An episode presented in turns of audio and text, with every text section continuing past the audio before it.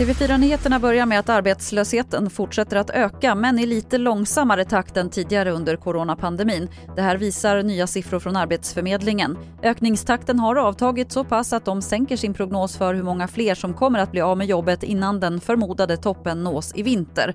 Däremot ökar långtidsarbetslösheten snabbare nu. Så till Danmark där spridningen av coronaviruset verkar öka och nu skärper sex kommuner kraven på munskydd. Landets hälsominister sa på en presskonferens igår att det finns anledning till oro och att agera snabbt. Och i Grekland införs nya coronarestriktioner för svenskar som kommer dit. Från och med nästa måndag krävs ett negativt coronatest för de svenskar som vill resa till Grekland. Hittills har landet haft relativt få coronafall och testkravet kommer efter att smittspridningen på senare tid har ökat kraftigt. Samtidigt skärper Greklands regering kraven på munskydd i taxibilar, kollektivtrafik och andra platser inomhus.